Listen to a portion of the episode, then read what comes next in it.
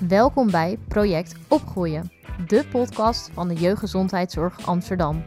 In deze podcast bespreken wij, Caroline en Lois, twee jeugdverpleegkundigen, alle ins en outs met betrekking tot het opvoeden, het opgroeien en het ouderschap. We beantwoorden alle vragen die je hebt of waarvan je niet eens wist dat je ze had. Luister vooral naar ons wanneer het jou uitkomt.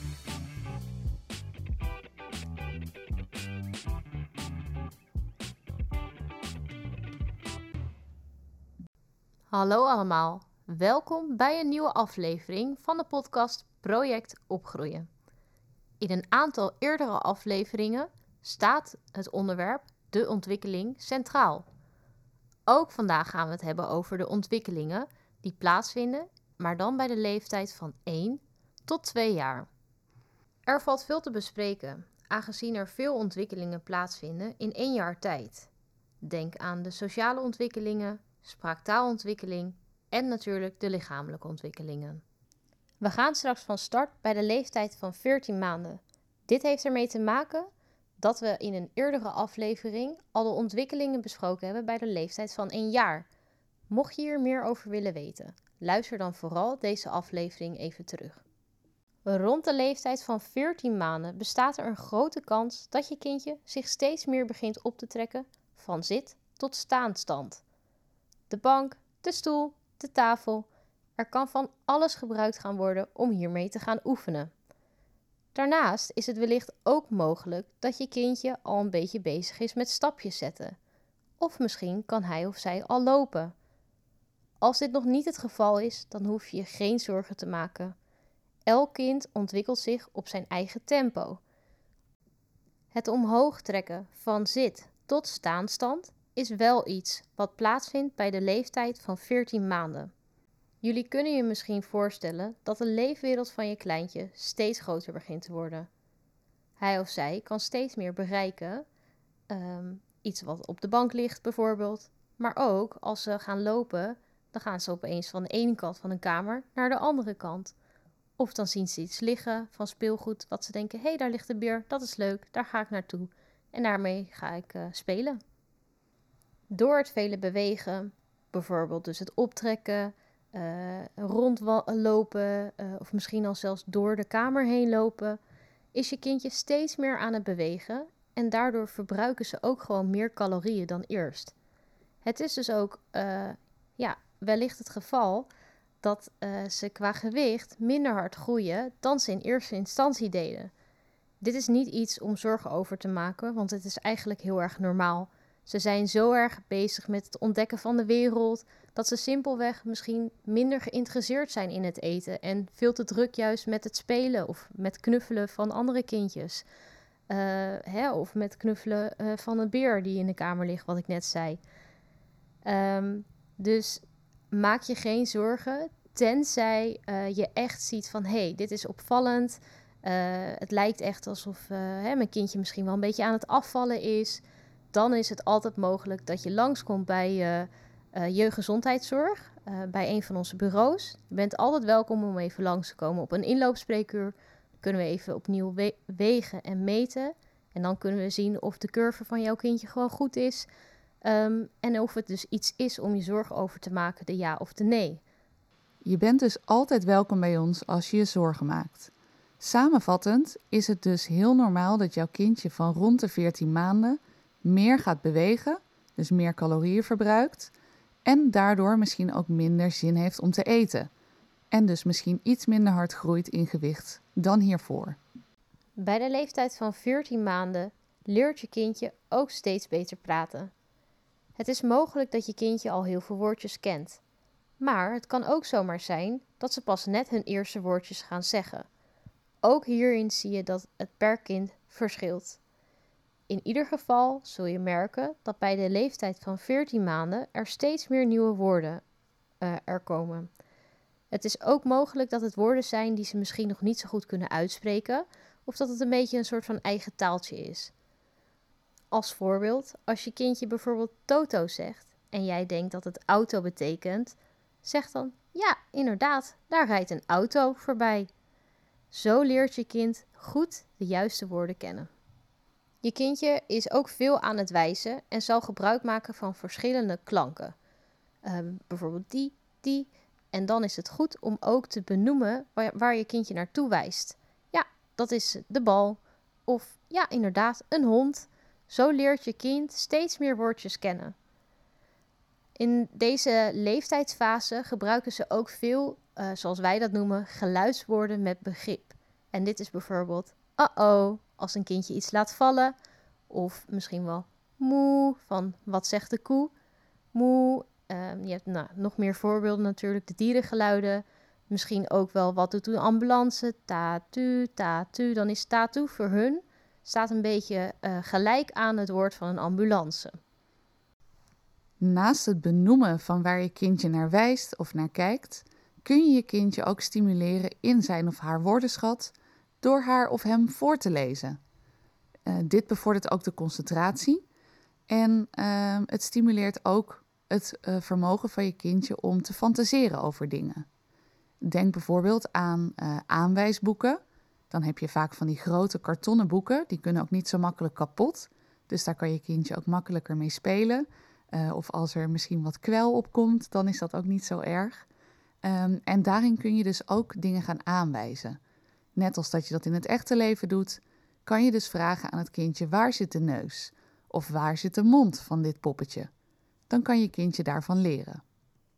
Het leren concentreren is echt een vak apart. Het kan zo zijn dat je kindje zich misschien maar een minuutje kan focussen op het verhaal dat jij vertelt in het boek.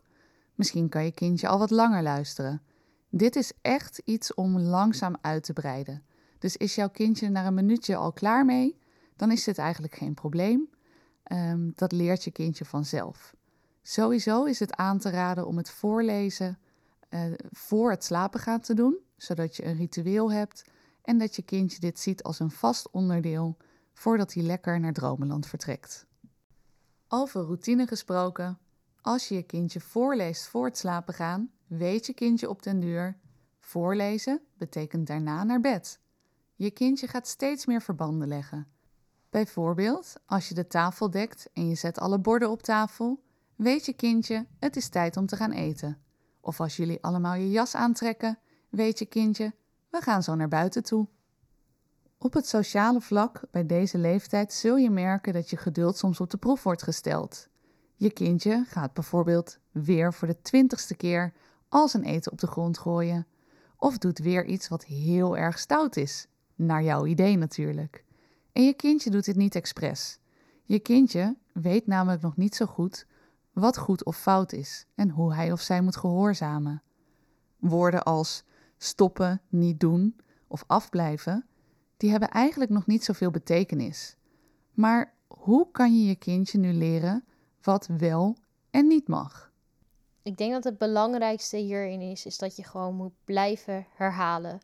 Zorg ervoor dat je samen met je partner hebt afgesproken wat jullie grenzen zijn en wees hierin consequent. Uh, dus laat niet merken dat het de ene dag niet mag en de andere dag weer wel. Um, het heeft eigenlijk ook niet heel veel zin om constant nee te roepen, ondanks dat dit misschien een hele natuurlijke reactie is. Want het gedrag wat je niet wil zien, dat benoem je ook natuurlijk. Toch blijkt dat het helpt als je juist meer uh, de positieve dingen die je wilt zien, om die te benoemen. Dus bijvoorbeeld als je kindje leuk aan het spelen is, dat je dan aangeeft van, goh, wat ben je gezellig aan het spelen? Mag mama meedoen of mag papa meedoen? Um, dan benoem je in ieder geval het gedrag waarvan je heel erg blij bent dat je kindje dit laat zien. Het is natuurlijk niet zo dat je nooit nee mag zeggen. Probeer alleen als dit zo is ook uitleg te geven waarom je dit gedrag niet wilt zien of waarom het misschien niet wenselijk is. Want het, kindje begrijpt misschien nog niet nee of hoezo niet.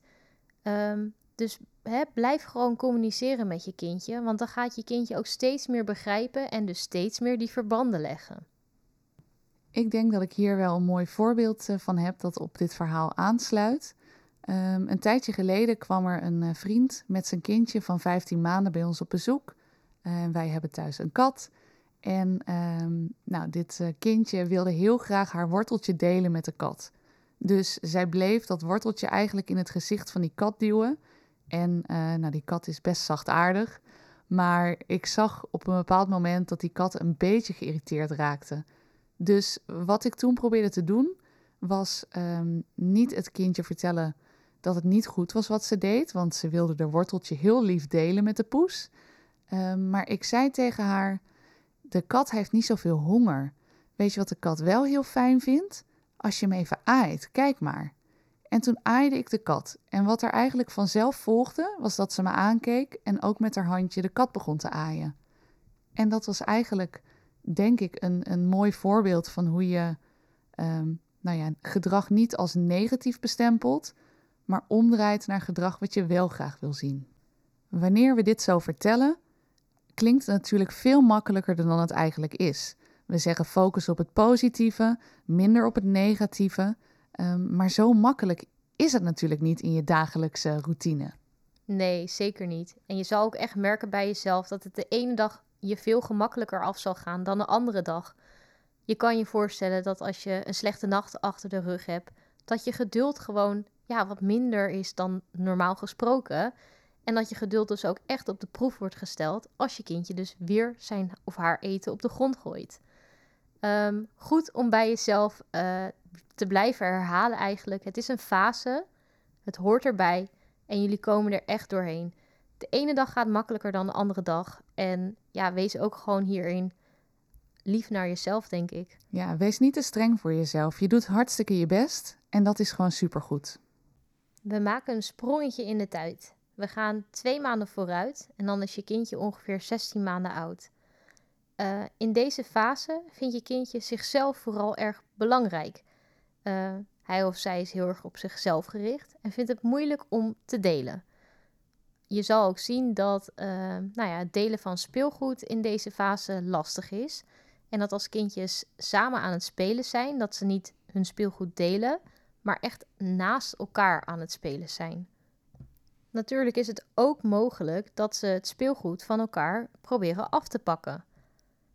En dit kan tot gekke taferelen uh, leiden. Bijvoorbeeld uh, dat een kindje gaat bijten, of misschien wel gaat slaan of gaat schoppen. En dit is eigenlijk gedrag wat we als ouders natuurlijk liever niet willen zien. Ik denk dat het goed is om je te realiseren dat um, ze dat dan niet doen om de ander pijn te doen, maar dat het een gedrag is uh, wat ze uiten, omdat ze gewoon niet onder woorden kunnen brengen wat ze nou eigenlijk willen. Of dat ze dat niet leuk vinden, dat ze het vervelend vinden. Um, en het is ja, gedrag ook wat ze nog niet weten dat het sociaal gezien voor ons niet normaal is. Ja, kinderen moeten echt leren delen. Dus dit is echt een belangrijke fase. En ook belangrijk om dus als ouder uiteindelijk uit te leggen dat delen veel leuker is. Dan ga ik nu wat vertellen over slaap bij de leeftijd, nou laten we zeggen tussen de 16 en de 18 maanden. Uh, we zien namelijk dat rond deze leeftijd de kindjes vaak overgaan van twee slaapjes overdag naar één slaapje overdag. En waarbij het ook mogelijk is dat het ene slaapje dan ietsjes langer duurt. Um, wat ook voordelen voor jou kan hebben, want dan heb je misschien twee uurtjes overdag de tijd even voor jezelf. Um, of even om het huishouden weer op orde te brengen. Um, nou ja, maakt niet uit wat je doet. Het is in ieder geval mooi meegenomen. Maar goed om te weten dat ook hierin weer ieder kind anders is. Dus als jij aan jouw kindje merkt dat één slaapje overdag nog onvoldoende blijkt te zijn, houd het dan voorlopig nog even op de twee slaapjes. Ik denk dat het heel goed is om vooral te kijken naar wat werkt voor jouw kind. Als je merkt dat hij of zij hangerig wordt, misschien een beetje chagrijnig, dan is het tijd om naar bed te gaan. Um, en is het wellicht nog te vroeg om over te stappen op één slaapje overdag. Kort samengevat, als je kindje nog maar één slaapje overdag heeft, dan is het fijn om dit te plannen rond het midden van de dag. Bijvoorbeeld rond een uur of half één of één uur. Op deze manier is het gat tussen het dutje en het naar bed gaan niet te groot. Dan is het nu tijd voor onze vaste rubriek Feit of fabel, maar dan met een twist. Vandaag hebben we vier feitjes op een rij gezet. En voor het eerste feitje uh, geef ik jullie een paar seconden de tijd om even na te denken over de volgende vraag. Hoeveel luiers heb je verschoond bij je baby in het eerste levensjaar? Dit zijn er ongeveer 2000. Je bent er dus inmiddels echt een ster in geworden. Het tweede feitje. Wist je dat ongeveer 50% van alle ouders zich wel eens zorgen maakt of ze het wel goed doen? Dus als jij je wel eens zorgen maakt, is dat heel normaal. Het derde feitje. Wisten jullie dat kinderen van nature meestal weten hoeveel voeding ze nodig hebben? Zij zullen zichzelf niet gauw uithongeren. Het is daarom ook belangrijk dat je als ouder leert door op te vertrouwen dat je kindje weet wat zijn of haar eetlust is. Het belangrijkste is dat je kindje goed groeit. Daaraan kan je zien dat je kindje voldoende voeding binnenkrijgt. Het laatste feitje van vandaag. Als een kindje meertalig wordt opgevoed en er wordt voldoende in beide talen tegen het kind aangepraat, dan verloopt de ontwikkeling vrijwel gelijk aan die van kinderen die eentalig opgevoed worden. Inmiddels zijn we aangekomen bij de leeftijd van 17 tot ongeveer 18 maanden. Bij deze leeftijd ga je merken dat de meeste kindjes wat minder verlegen zijn. Ze gaan bijvoorbeeld meer zwaaien naar vreemden en zullen dus meer interactie vertonen.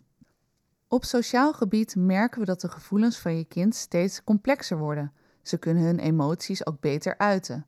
Het is dan ook belangrijk om de emoties van je kind te benoemen, want zo laat je zien dat boosheid, verdriet of blijdschap er gewoon mag zijn. Het is echter nog niet zo dat je kind de emoties en gevoelens die hij of zij voelt zo goed kan uiten als dat wij dat kunnen, of dat oudere kinderen dat kunnen. Daarom zal je ook merken dat je kind soms toch nog ongewenst gedrag laat zien, zoals schoppen, slaan, bijten, knijpen of andere dingen. Het is goed om in je achterhoofd te houden dat je kindje nooit bewust een ander pijn wil doen. Dit is vaak een impulsieve reactie omdat je kind zijn gevoelens niet goed genoeg kan uiten. Daarnaast kruipen we langzaam in de richting van de twee jaar. En we zeggen ook wel eens twee is nee. De peuterpuberteit die dan om de hoek komt kijken. Dit is een fase waarin emoties flink op en neer kunnen gaan. Ze zijn bijvoorbeeld dwars, ze hebben driftbuien, ze gaan huilen, ze zijn brutaal en kunnen dus ook gaan slaan, schoppen of bijten. Hierbij worden jouw grenzen enorm op de proef gesteld. Het kan dus best lastig zijn om hier goed mee om te gaan. Dus hoe doe je dat nou eigenlijk? Het belangrijkste is om zelf rustig te blijven. Reageer vooral niet boos, maar laat wel je afkeuring blijken, zodat je kan laten zien dat het je kindje niet mag slaan, schoppen of bijten. Het is belangrijk dat je kindje namelijk de actie, uh, of het effect, sorry, het effect van zijn actie gaat zien. Uh, waarom moet hij of zij niet slaan? Nou, omdat het andere kindje bijvoorbeeld pijn heeft. En wat daarbij kan helpen, is dat je gaat uitleggen dat het nu fijn is om het kindje te gaan troosten. Uh, dus dat je samen bijvoorbeeld, wanneer het kindje geslagen is, een koud doekje aan het kindje gaat geven. Het is denk ik altijd goed om te beschrijven wat je juist wel wilt zien van het kindje. Dus ook bijvoorbeeld dat het nu fijn is om sorry te zeggen. En dat je gaat kijken van nou, hoe kunnen we ervoor zorgen dat jullie leuk samen gaan spelen?